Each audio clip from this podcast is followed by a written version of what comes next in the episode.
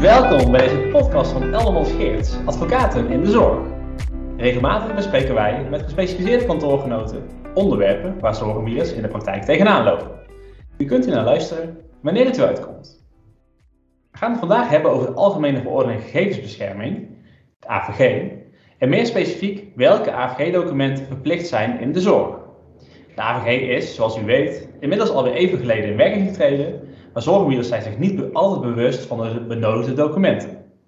Ik ga in gesprek met meester Nina Armini van Eldermans Geerts. Die is gespecialiseerd in de AVG.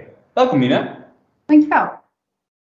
Nina, we gaan het vandaag hebben over de AVG-documenten. Krijg jij daar als advocaat in je praktijk veel vragen over? Ja, zeker. Eh, echt ontzettend veel vragen. Want er is een aantal documenten en dat is verplicht voor zorgaanbieders op grond van de AVG. Alleen wat je gewoon ziet is dat zorgaanbieders zich daar gewoon niet altijd bewust van zijn. En ook niet precies weten welke documenten dat zijn en wat ze dan inhouden. En als ze die documenten hebben, zijn ze ook niet altijd up-to-date. Um, dus het is inmiddels ook alweer even geleden wat jij al zei dat de AVG is ingetreden. Dus het is wel even goed om het allemaal weer even op te frissen. Ja, nou goed uh, dat we het al met elkaar uh, bespreken in deze podcast. Ja, kun je uh, allereerst uitleggen welke documenten de AVG allemaal voorschrijft voor zorgaanbieders? Ja, de AVG die schrijft eigenlijk een aantal uh, ja, verschillende verplichte documenten voor. En het hangt een beetje af van wat de zorgaanbieder ook doet qua activiteiten. Uh, dus eigenlijk op basis daarvan kan je bepalen van wat is dan echt specifiek verplicht voor die zorgaanbieder. Dus uh, doorgaans zijn de documenten ook wel echt verplicht voor zorgaanbieders, omdat er natuurlijk juist in de zorg wordt gewerkt met allerlei medische en dus ook gevoelige gegevens. en medische gegevens, dat zijn even kort bijzondere persoonsgegevens in de zin van de AVG. En de AVG mhm. vindt ook uh, dat je daar gewoon extra voorzichtig op mee moet gaan. Dus even heel kort, belangrijkste documenten uh, zijn in ieder geval de privacyverklaring, het privacybeleid, het verwerkingsregister, de verwerkingsovereenkomst en het uh, datalekregister. Dus ik zal hierna gewoon steeds op elk document ingaan. Ja, dat lijkt me een goed plan, want het zijn de nodige documenten. Je noemt ze even snel op, maar dat behoeft wel enige toelichting. Maar voordat we die documenten induiken, waren die documenten ook al verplicht voor de inwerkingtraining van de AVG? Ja, terechte vraag. Want uh, voordat de AVG in werking trad, was er natuurlijk ook al wat uh, aan wet en regelgeving. Toen hadden we de Wet Bescherming Persoonsgegevens, de WBP. En ja. dat was een Nederlandse wet. Terwijl de AVG, die geldt in heel Europa. En onder de WBP had je bepaalde documenten die toen ook al verplicht waren. Denk aan bijvoorbeeld een privacyverklaring. Um, en andere documenten zijn onder de AVG gewoon nieuw of zijn juist verder uitgewerkt. En dan kan je bijvoorbeeld denken aan de verwerkingsovereenkomst. Helder. Nou, laten we dan beginnen met de documenten. Om te beginnen met de privacyverklaring als eerste document. Uh, wat is een privacyverklaring? Ja, nou, zorgaanbieders die hebben eigenlijk op basis van de AVG een informatieplicht, zoals dat dan heet. En dat houdt in dat je als zorgaanbieder verplicht bent om betrokkenen. En betrokkenen, dat zijn bijvoorbeeld cliënten, maar ook medewerkers. Maar je bent verplicht om die te informeren wat er precies met hun persoonsgegevens gebeurt en waarom. En een privacyverklaring is eigenlijk een hele goede manier om aan deze verplichting te voldoen. Dus misschien een beetje anders dan veel mensen denken, is een privacyverklaring zelf niet per se verplicht. Maar je hebt een informatieplicht en dat kan je invullen door middel van die privacyverklaring. Ja. En dat is vaak gewoon een verklaring die je dan op de website hebt staan. Hè? En daar schrijf je dan, beschrijf je dan bepaalde zaken, zoals bijvoorbeeld wie de functionarische gegevensbescherming is, uh, maar ook met welk doel je persoonsgegevens verwerkt uh, en wat de bewaartermijnen zijn bijvoorbeeld. Belangrijk ook is dat er ook altijd in moet staan wie uh, een klacht kan indienen, waar je een klacht kan indienen. En dat kan dan bij de autoriteit persoonsgegevens. Zo, nou, dat zijn best wel wat gegevens als, je dat, als ik dat zo hoor. Uh, maar hoe is het dan voor betrokkenen die dan bijvoorbeeld op de website kijken nog wel goed te volgen? Ja, er staat inderdaad best wel heel veel informatie in zo'n privacyverklaring. Dus uh, eigenlijk een hele belangrijke boodschap is altijd om ervoor te zorgen dat die verklaring zo begrijpelijk mogelijk is dus uh, neem niet letterlijk de tekst uit de AVG over, maar probeer het ook een beetje in eigen taal uh, te vertalen, zodat het voor mensen ook te volgen is en dat het begrijpelijk is zonder al te veel vaktaal. Uh, dus het is ook goed om die ook niet te lang te maken. Hè. Een verklaring van 10 pagina's, dat is gewoon niet goed te volgen. Probeer het gewoon beknopt te houden, maar ook in begrijpelijke en eenvoudige taal. Ja, en is het dan ook verplicht dat ja, alle betrokkenen, zoals patiënten, cliënten, uh, een kopie krijgen van zo'n privacyverklaring en die misschien zelfs ondertekenen? Ja, dat hoor ik vaak. Dat is best wel zo'n misvatting ook in de zorg dat je hem echt moet meegeven, bijvoorbeeld met de behandelingsovereenkomst. Maar dat hoeft niet. dus je moet hem ergens hebben staan, hij moet toegankelijk zijn. Dus uh, beste weg is dan op de website. Maar het is ook niet verplicht om dan bijvoorbeeld bij een behandelingsovereenkomst hem aan te hechten. Uh, het hoeft ook niet ondertekend te worden. het moet gewoon toegankelijk zijn. Dat is eigenlijk het belangrijkste. Ja, helder. Nou, duidelijk. nou, laten we doorgaan naar het tweede document, het privacybeleid. Wat houdt dat in, ja, zo'n privacybeleid? Ja, privacybeleid, privacyverklaring, die termen worden vaak door elkaar gebruikt. Uh, maar een privacybeleid is echt iets anders. Dat is een intern schriftelijk document waarin je eigenlijk laat zien dat je als organisatie aan de AVG voldoet. Hè? En uh, dat kan je dus aantonen door middel van zo'n privacybeleid. En dan ga je ook weer in op allerlei aspecten, zoals wat voor soort persoonsgegevens je als zorgaanbieder verwerkt, met welk doel dat gebeurt, uh, de grondslag, maar ook welke rechten betrokkenen, dus bijvoorbeeld cliënten hebben. En ook hoe jij zorgt voor de juiste beveiliging. dus het is best wel vaak echt een flink omvangrijk document waar dat bij een privacyverklaring juist uh, moet worden vermeden. Ja, nee, helder. En wanneer is zo'n privacybeleid uh, verplicht in de zorg? Wanneer moeten zorgaanbieders nou verplicht zo'n privacybeleid hebben opgesteld? Ja, dat is een beetje vaag, want uit de AVG staat eigenlijk alleen maar, uh, volgt eigenlijk alleen maar dat dat verplicht is als het in verhouding staat tot werkingsactiviteiten. Nou, en dan wordt niet toegelicht wanneer dat dan is. Um, en de AP heeft eigenlijk gekeken van dat je dan moet kijken naar van, ja, wat voor soort gegevens verwerk je, wat is de omvang van die verwerking. En omdat veel zorgaanbieders medische en dus ook gevoelige gegevens verwerken, um, is het wel echt van belang om over een privacybeleid te beschikken. Dus ook als je constateert van nou, het is niet verplicht, dan zou ik het altijd nog aanraden, zeker in de zorg. Ja, zeker als je in de zorg natuurlijk met zulke specifieke medische gegevens werkt, kan ik me dat voorstellen dat het wel een advies is wat, uh, wat je dan geeft. Ja, zeker. Nee, dat is echt verstandig. Uh, ook gewoon zodat mensen intern ook weten uh, nou, hoe je aan de AVG doet en wat je bijvoorbeeld moet doen als je een verzoek krijgt van een cliënt. En moet je dat, dat privacybeleid dan ook als zorgaanbieder delen met betrokkenen zoals patiënten en cliënten? Uh, nee, in principe niet. En dat is ook gelijk een verschil met zo'n privacyverklaring. Um, los van de andere verschillen die ik net noemde. Maar een privacyverklaring is dus echt zo'n extern document. Hè? Dat, dat moet je gebruiken om betrokkenen te informeren. En het privacybeleid is meer intern. En de AP heeft ons ook wel eens gezegd van het is mogelijk om het privacybeleid ook te publiceren op een website bijvoorbeeld. Maar let er dan wel goed op dat je dan bijvoorbeeld bepalingen over uh, beveiliging, dat je die eruit haalt. Hè? Want als jij helemaal gaat beschrijven van, nou ja, zo beveiligen wij onze gegevens. Ja. Iedereen kan meekijken en uh, dat is voer voor een, uh, voor een hack. Dus dat zou ik zeker niet doen. Nee, nee dat, is, dat is niet handig. Maar als je geen ransom software op je computer wil krijgen, dan zou, ik ja. dat, zou ik dat vermijden. Zeker, ja. Um, ja, nou, het verschil tussen die privacyverklaring en privacybeleid, dat is duidelijk, denk ik. Uh, en dan het volgende document. Je noemde het verwerkingsregister. Wat houdt zo'n register in? Ja, verwerkingsregister is eigenlijk een document en dat is vaak iets in Excel. En uh, heel kort gezegd staan daar eigenlijk alle verwerkingsstromen van de organisatie opgenomen. Dus dat zijn er een aantal vaste categorieën. Hè? Dus wat voor soort verwerkingsactiviteiten heb je? Um, en dat moet je dan eigenlijk categoriseren. Nou, bij zorgaanbieder kan je dan bijvoorbeeld denken aan een categorie uh, cliëntendossier.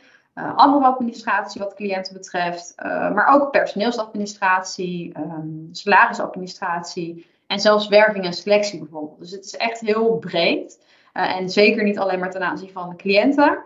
En vervolgens moet je voor die categorieën eigenlijk bepaalde informatie uitwerken. Dus denk aan wat voor soort persoonsgegevens betreft het dan per categorie, wie zijn de betrokkenen, hoe lang worden gegevens bewaard. dus nou, echt van alles en nog wat. En ook als je werkersovereenkomsten aangaat, waar we nog zo even over komen te spreken, dan moet dat ook onderdeel uitmaken van zo'n register. Ja, maar is dan de bedoeling dat de persoonsgegevens van hè, bijvoorbeeld patiënten of cliënten, zoals hun naam bijvoorbeeld, in dat verwerkingsregister worden opgenomen? Nee, dat is ook vaak een misvatting. Dat je echt inderdaad ziet staan, uh, nou, mevrouw Jansen, meneer Jansen en naam van alle cliënten. Dat is niet de bedoeling. Het is echt de bedoeling dat je het uh, ja, van bovenaf eigenlijk de categorieën van persoonsgegevens. Dus uh, dan kan je bijvoorbeeld wel noemen naam als categorie, maar niet de naam zelf. Dus niet de persoonsgegevens zelf opnemen in het verwerkingsregister. Nee, helder, helder. En zo'n verwerkingsregister, hè, want het lijkt me toch best wel wat werk om het op te stellen. Is dat verplicht voor zorgaanbieders? Uh, ja, dat is echt verplicht. Uh, want heel kort, eigenlijk is de hoofdregel dat het alleen verplicht is voor organisaties uh, die meer dan 250 medewerkers hebben. Tenzij, zoals uh, altijd is er een uitzondering, tenzij sprake is van stelselmatige verwerking van bijzondere persoonsgegevens. Oh ja, nou, ja. Noemde ik net, uh, medische gegevens zijn bijzondere persoonsgegevens. En dat is natuurlijk gewoon wat zorgaanbieders constant verwerken. Uh, en dat maakt dat zo'n register altijd verplicht is voor zorgaanbieders. Ja, helder. Zoals zoveel altijd verplicht is voor zorgaanbieders. Ja, weer een nieuwe verplichting. ja, ja.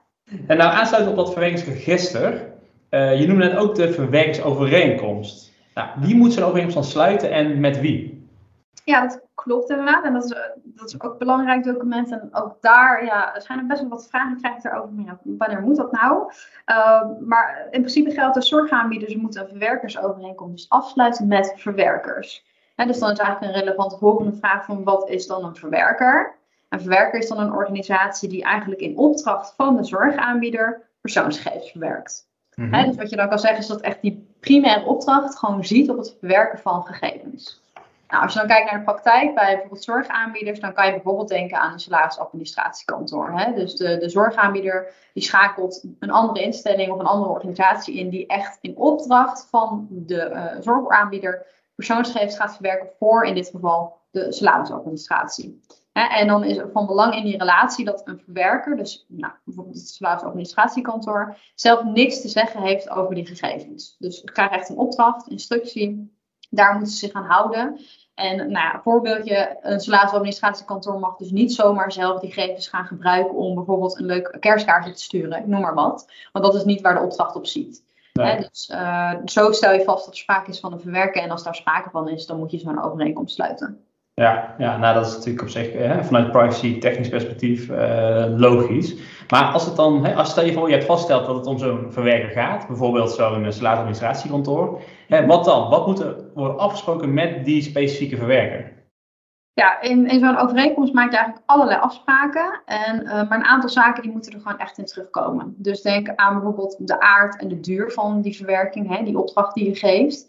Uh, maar ook welke rechten en plichten de werk, uh, verwerker heeft. Um, ook afspraken over welke beveiligingsmaatregelen de verwerker moet nemen. Hè? Dus het kan niet zo zijn dat je als zorgaanbieder ontzettend goed je gegevens beveiligt.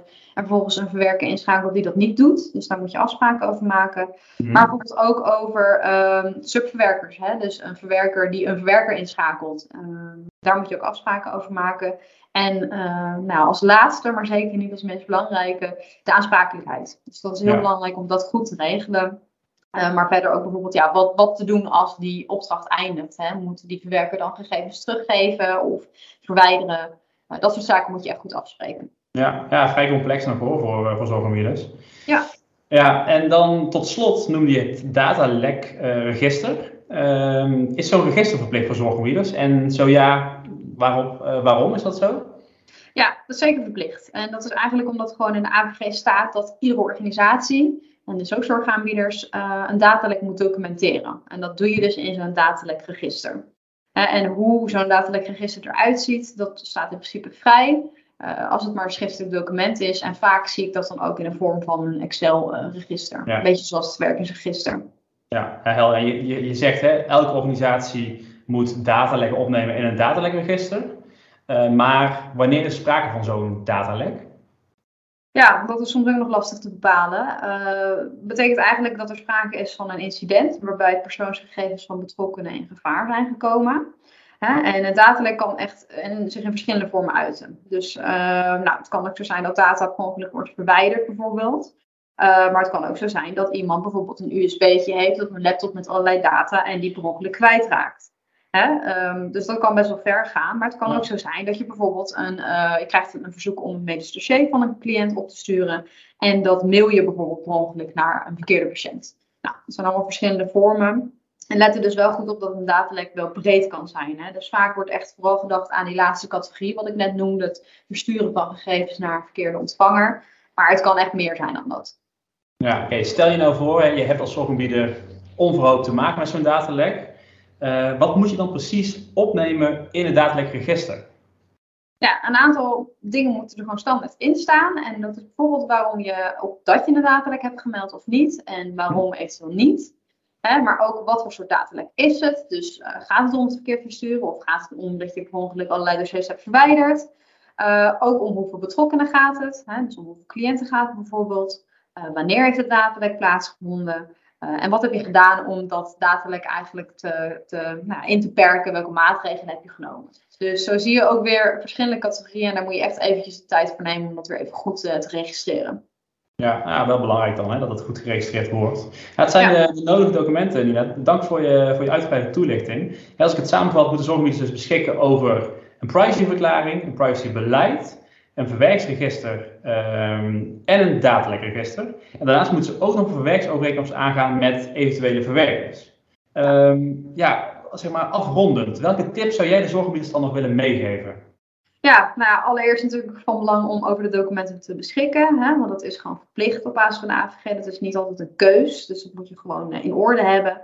En als je dat nog niet hebt, dan uh, nou, is wel even goed om op te merken dat wij van Oudman Scheerts ook op onze website um, eigenlijk een standaard pakketje hebben aan documenten. Want het kan best wel wat tijd uh, duren. Of niet, je moet best wel tijd in steken om het helemaal van scratch uh, zelf nou ja, te maken. Dus dat kan nog een goede manier zijn om eigenlijk dat te downloaden en dan vervolgens eigenlijk alleen nog maar in te vullen. Ja, het zijn behoorlijk juridische documenten, hè? Het zijn geen... Ja, zeker. Nee, het ja. zijn echte datelijk werkersregisteren, gewoon de verplichte documenten. En dan hoef je vervolgens zelf echt alleen nog maar even het in te vullen. Dus dat scheelt heel veel tijd. En een belangrijke laatste tip is om de documenten ook echt up-to-date te houden. Dus niet alleen maar het hebben van de documenten en dan ben ik klaar. Maar ook te bekijken van is het nog actueel? Klopt het nog? Uh, moet er nog iets nieuws bij of niet? Uh, dus zorg er echt voor dat het goed wordt bijgehouden. Ja, helder. Goede tips. Nou, dan sluiten we hiermee de podcast af. Nina, hartelijk dank. Waar kunnen mensen met hun vragen terecht? Uh, nou, ze kunnen wat mij terecht met hun vragen. Um, ik doe in ons kantoor veel met de AVG. En uh, mijn gegevens staan eigenlijk gewoon op onze website. Uh, maar voor nu ook even, jullie kunnen mij ook altijd mailen. Aan mini-apenstaartje eldermans-geert.nl Dankjewel. Ja, jij bedankt.